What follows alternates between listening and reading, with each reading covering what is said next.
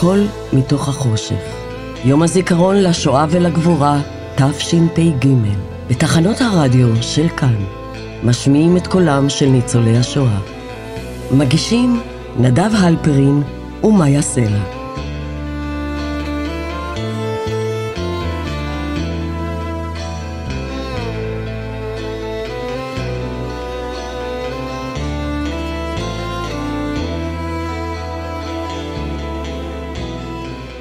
יום הזיכרון לשואה ולגבורה תשפ"ג בתחנות הרדיו של כאן. שידור משותף לכאן ג', כאן 88 וכאן תרבות.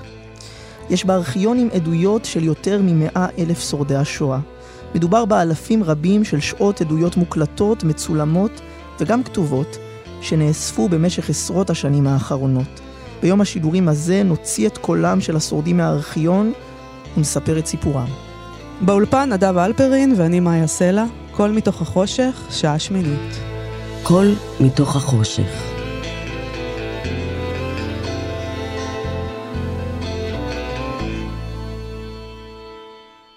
לאורך כל יום השידורים הזה שמענו סיפורים על שורדי שואה, על קורותיהם וקורות יקיריהם בזמן המלחמה. שמענו על קהילות שאבדו ועל יהודים שנאבקו ולא ויתרו. את השעה האחרונה של יום המשדר הזה נקדיש למה שקרה רגע לאחר סיום המלחמה. נשמע עדויות שמספרות על הניסיונות להקים את העם היהודי מתוך האפר, על החיים במחנות העקורים, ילדים יהודים שהותרו במנזרים, על הדרך לארץ ישראל ועל הנצחת זכר השואה, כאן. קול מתוך החושך, משמיעים את קולם של ניצולי השואה. בינם וז'ונסקי נולד ב-1928. למשפחה חסידית. הוא נכלא עם משפחתו בגטו לודג'. כשהיה בן 16 נשלח לעבודות כפייה, ומשם למחנה בוכנוולד. הוא שוחרר משם בידי הכוחות האמריקנים באפריל 1945. בינם, שהגיע ממשפחה חסידית, התנתק מהדת במהלך המלחמה. כשהעבירו אותו לבית ילדים יהודי דתי, הוא עבר משבר ולא הסכים לחזור אל הדת.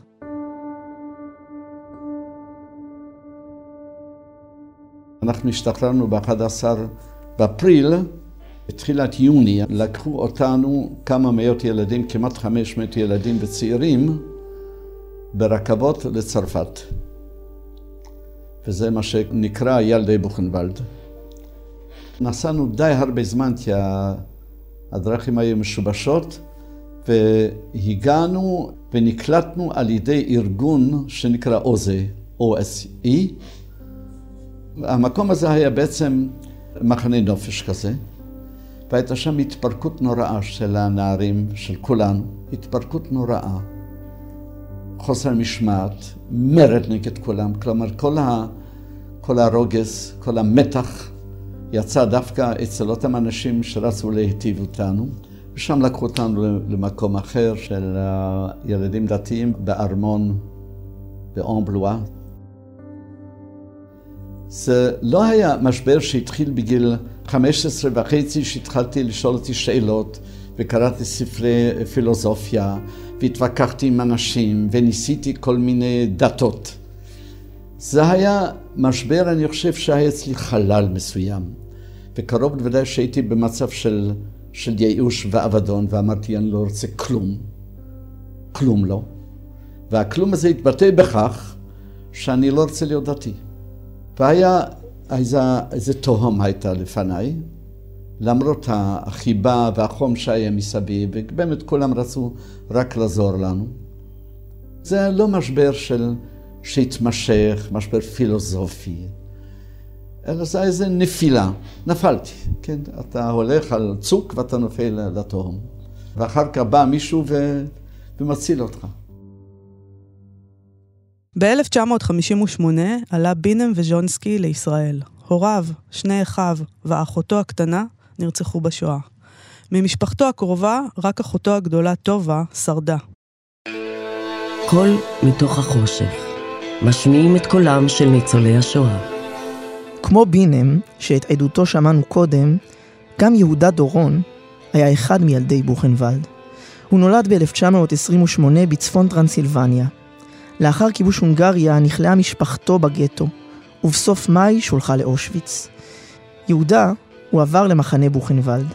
באפריל 1945 המחנה שוחרר בידי האמריקנים, וביוני נסע יהודה עם כ-500 מילדי בוכנוולד להחלמה בבית ילדים בצרפת, וקיווה להגשים את חלומו לעלות לארץ ישראל.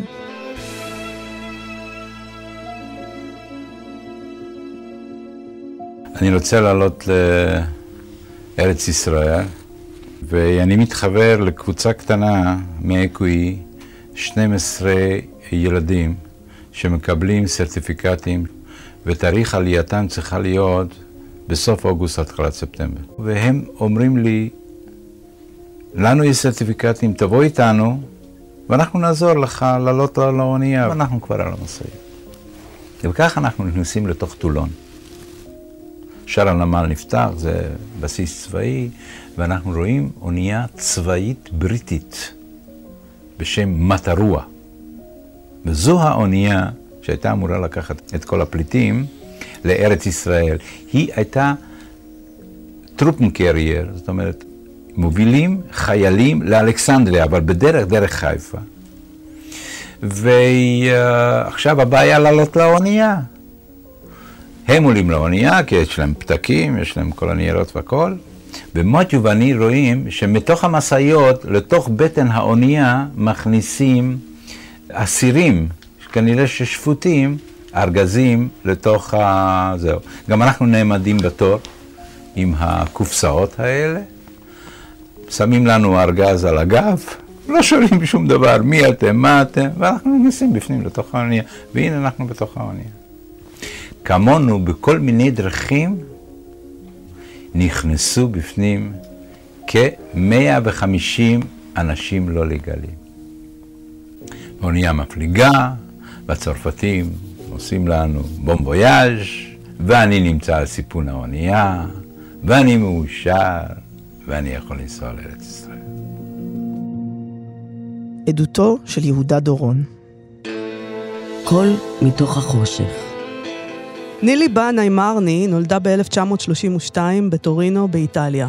בזמן המלחמה, אחרי שנכשל הניסיון של משפחתה לברוח לשוויץ, נילי הוסתרה יחד עם אחותה הקטנה במנזר, בעיירה קומו בצפון איטליה. אז אמרתי לאחותי, אמה, אנחנו לא צריכים להגיד לאף אחד שאנחנו לא נוצרים, ואז ללכת לכנסייה, להשתחוות ולעשות את עצמנו נוצריות. מאוד קשה זה היה, אני זוכרת את זה עד היום. שהייתי צריכה ללכת לכנסייה ולהשתחוות אה, לישו. עשינו את הכל מה שעושים כל הבנות. באו מדי פעם לבקר, ואז, אחרי כמה חודשים, שלא באו ההורים, בא השכן, בא להגיד לנו שההורים תפסו אותם הנאצים והגרמנים. אז זה היה הפעם הראשונה שבכיתי. ובסוף המלחמה אנחנו מחכים שיבואו להחזיר אותנו ליהדות. ואני במיוחד, כל יום מסתכלת על השער, מישהו בא, אבל אף אחד לא בא, ואף... ואז רק אחרי חודשיים באו הבריגדה, הבריגדה הישראלית. הם הלכו לחפש אה, בכל המקומות את הילדים. ראינו איזה משאית וחיילים שבאו, ואיזה שמחה היה לנו, וכל הבנות היו בשורה, ואז המנהלת אמרה, אמה ונילדה הן יהודיות, ובאו לקחת אותם, להחזיר אותם ליהדות. נילי בנאי עלתה לישראל ב-1948 והייתה ממקימות קיבוץ רגבים. הרב יהודה עמיטל נולד בשנת 1924 בטרנסילבניה שבהונגריה. הוריו, אחיו ואחותו נרצחו בשואה. עמיטל הגיע לארץ, הוסמך לרבנות ולחם במלחמת העצמאות. הוא היה ממקימי ישיבת הדרום ברחובות, ושימש ראש ישיבת ההסדר הר עציון שבגוש עציון. הוא היה ממייסדי תנועת מימד, ובשנת 1995 היה שר בממשלה.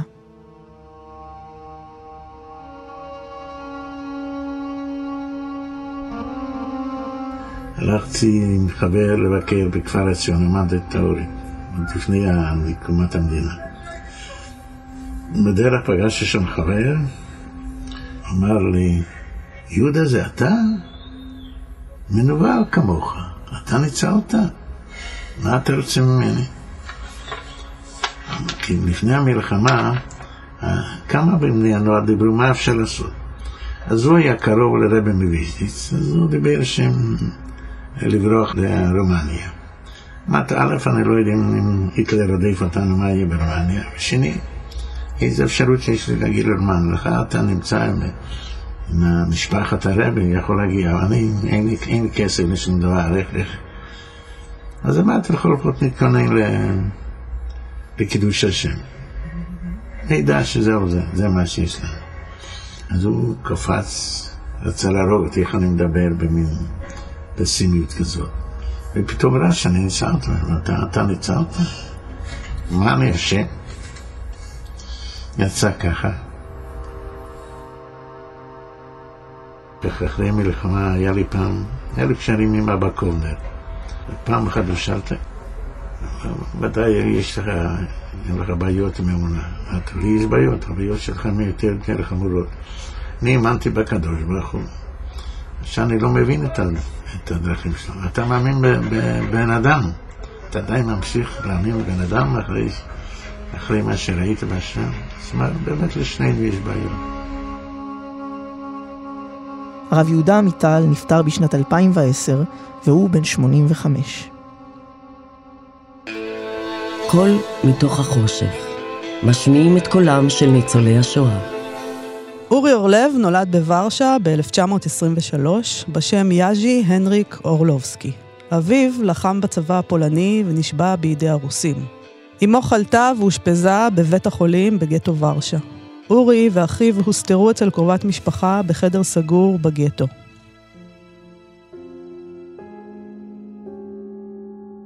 הילדים שואלים אותי לפעמים, איך הרגו את אמא שלך?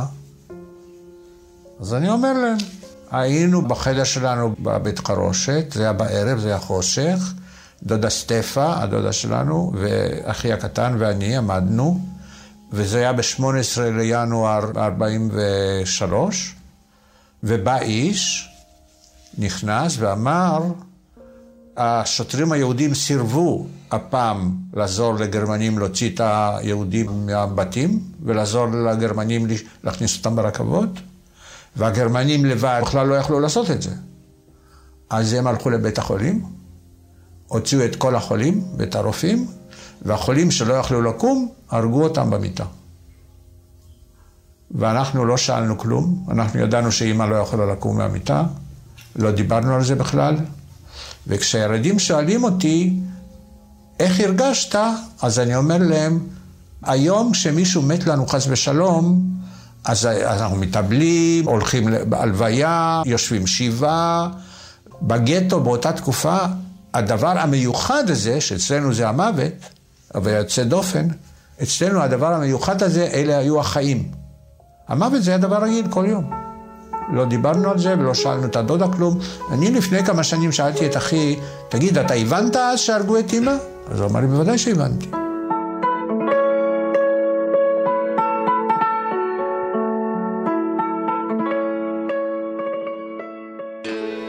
קול מתוך החושך.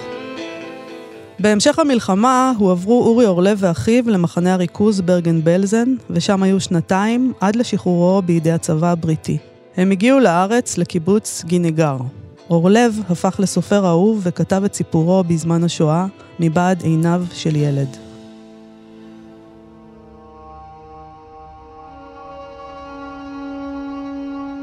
העניין הוא שאני יכול לספר על התקופה הזאת של הילדות שלי בתקופת השואה, לחשוב על זה, לכתוב את זה, רק כמו שזה נחרד בזיכרוני כילד.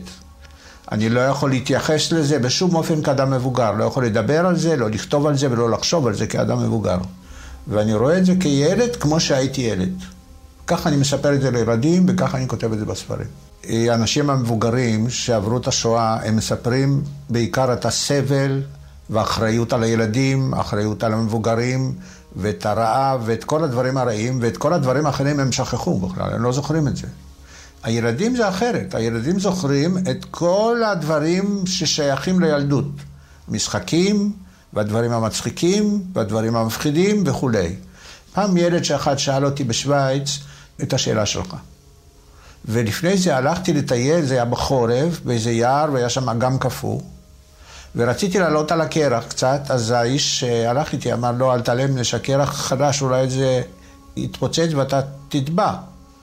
אז אה, כשהילד הזה בשוויץ שאל אותי את השאלה הזאת בבית ספר, אמרתי לו, אני צריך להיזהר מאוד, כמו שהולכים על אגם קפוא, שהקרח חלש, מפני שאם אני אנסה לדבר על זה כאדם מבוגר, על מה שקרה לי, הקרח יכול להישבר מתחת לרגליים שלי ואני לא יכול לעלות בחזרה.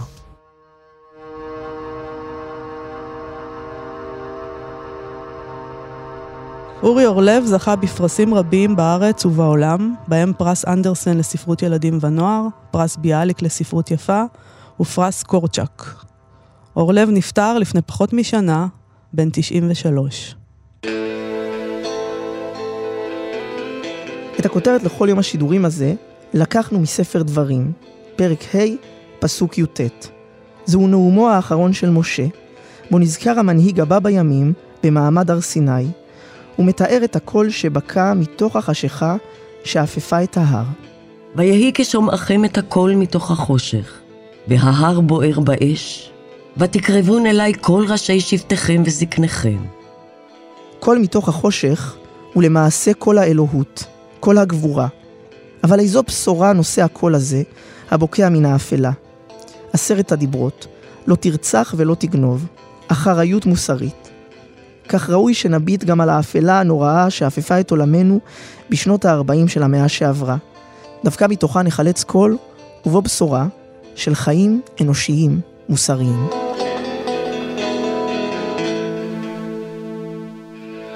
קול מתוך החושך. משמיעים את קולם של ניצולי השואה. אהרון ברק נולד בשנת 1936, בקובנה שבליטא. כשהיה בן חמש, עברה משפחתו לגטו. אהרון ברק שרד באקציית הילדים שהתקיימה במרס 1944, ובחודש מאי הוברח מתוך הגטו בתוך שק תפוחי אדמה. הוא שהה עם אמו בבתיהן של שתי משפחות איכרים, כמאה קילומטרים מקובנה.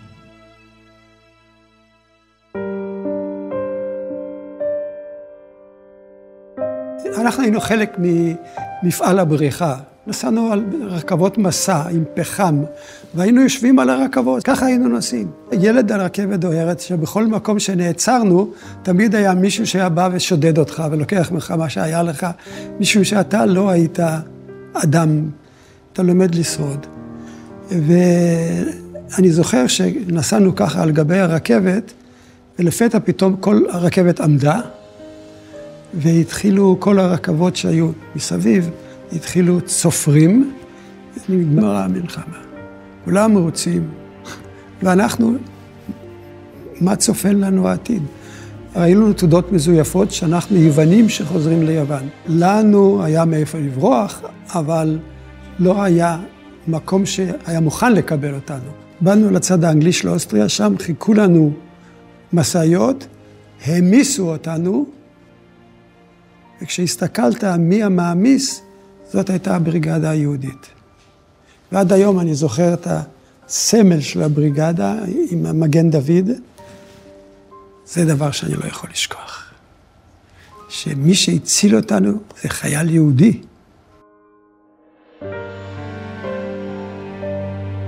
ברק עלה לישראל בשנת 1947, בגיל 11. הוא היה דקן הפקולטה למשפטים באוניברסיטה העברית, ובשנת 1975 זכה בפרס ישראל למדעי המשפט. לאחר מכן שימש היועץ המשפטי לממשלה, היה חבר בצוותי המשא ומתן לשלום עם מצרים, והיה שופט בבית המשפט העליון. ב-11 שנותיו האחרונות על הכס היה נשיא בית המשפט העליון.